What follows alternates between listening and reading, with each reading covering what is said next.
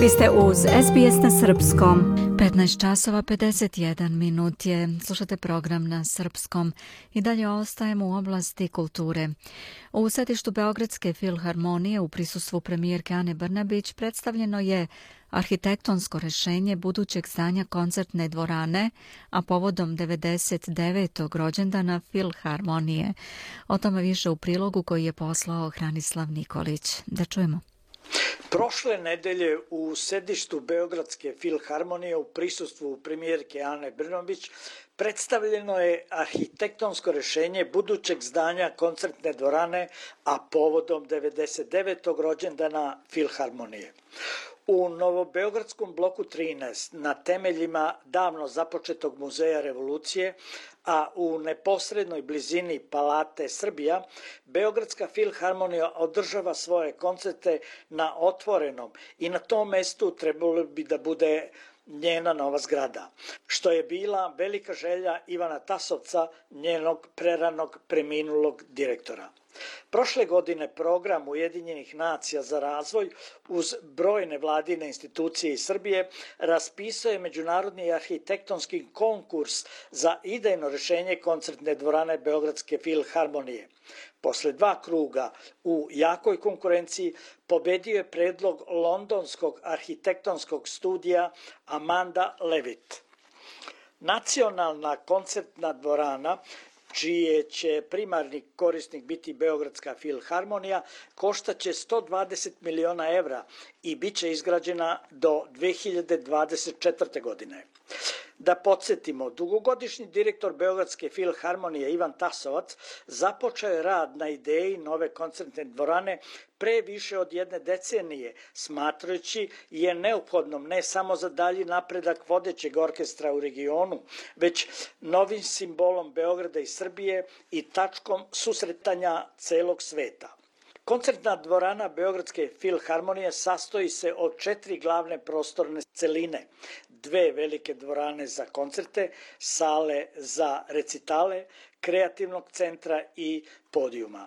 Svaki sa drugačijim karakterom, slaveći različite muzičke žanrove, različitu publiku i podstičući različite aktivnosti.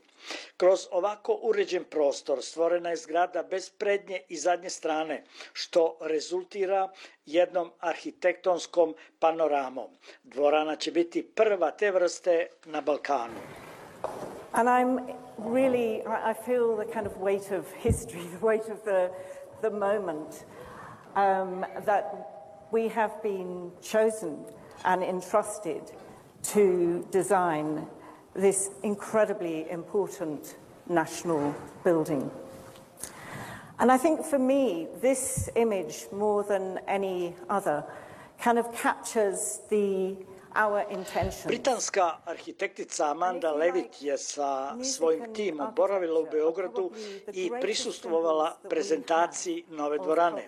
Prema njenim rečima, blago zakrivljeni krov dvorane Prostiraće se između nekoliko koncertnih prostora od koji će koncertna dvorana imati 1600 mesta za posetioce, a 400 dvorana za recitale koje će biti izgrađena od belog srpskog mervera. Premijerka Ana Brnabić je kazala da je nova koncertna dvorana najlepši način da Srbija i Beograd pokažu zahvalnost Beogradskoj filharmoniji koja je to svojim radom i uspesima, kako je kazala, mnogostruko zaslužila. Zatim je nastavila. Najlepši način i najbolji mogući način da pokažemo tu zahvalnost kao zemlja i da pokažemo koliko značite i ovom gradu i ovoj zemlji je da vam konačno damo vaš dom, koncertnu dvoranu Beogradske filharmonije. Dom koji ste svojim radom i uspesima mnogostruko i odavno zaslužili. I zato sam posebno srećna danas što možemo da vidimo kako će taj dom izgledati. Hvala vama, Amanda, što ste učestvovali na konkursu koji smo raspisali sa našim kolegama iz UNDP-a i što ste sada u potpunosti uz nas i zaista mislim da svaki član našeg tima ovde to osjeća. I hvala vam što ćete dati sve od sebe da što pre krenemo da gradimo ovo zdanje, za koje sam potpuno sigurna da će biti novi simbol našeg grada. Nama je želja da sledeće 2023. godine, kada budemo obeležavali 100 godina Beogradske filharmonije, krenemo u izgradnju vaše koncertne dvorane. Iz Beograda za SBS radio Hranislav Nikolić. Želite da čujete još priča poput ove? Slušajte nas na Apple Podcast, Google Podcast, Spotify ili odakle god slušate podcast.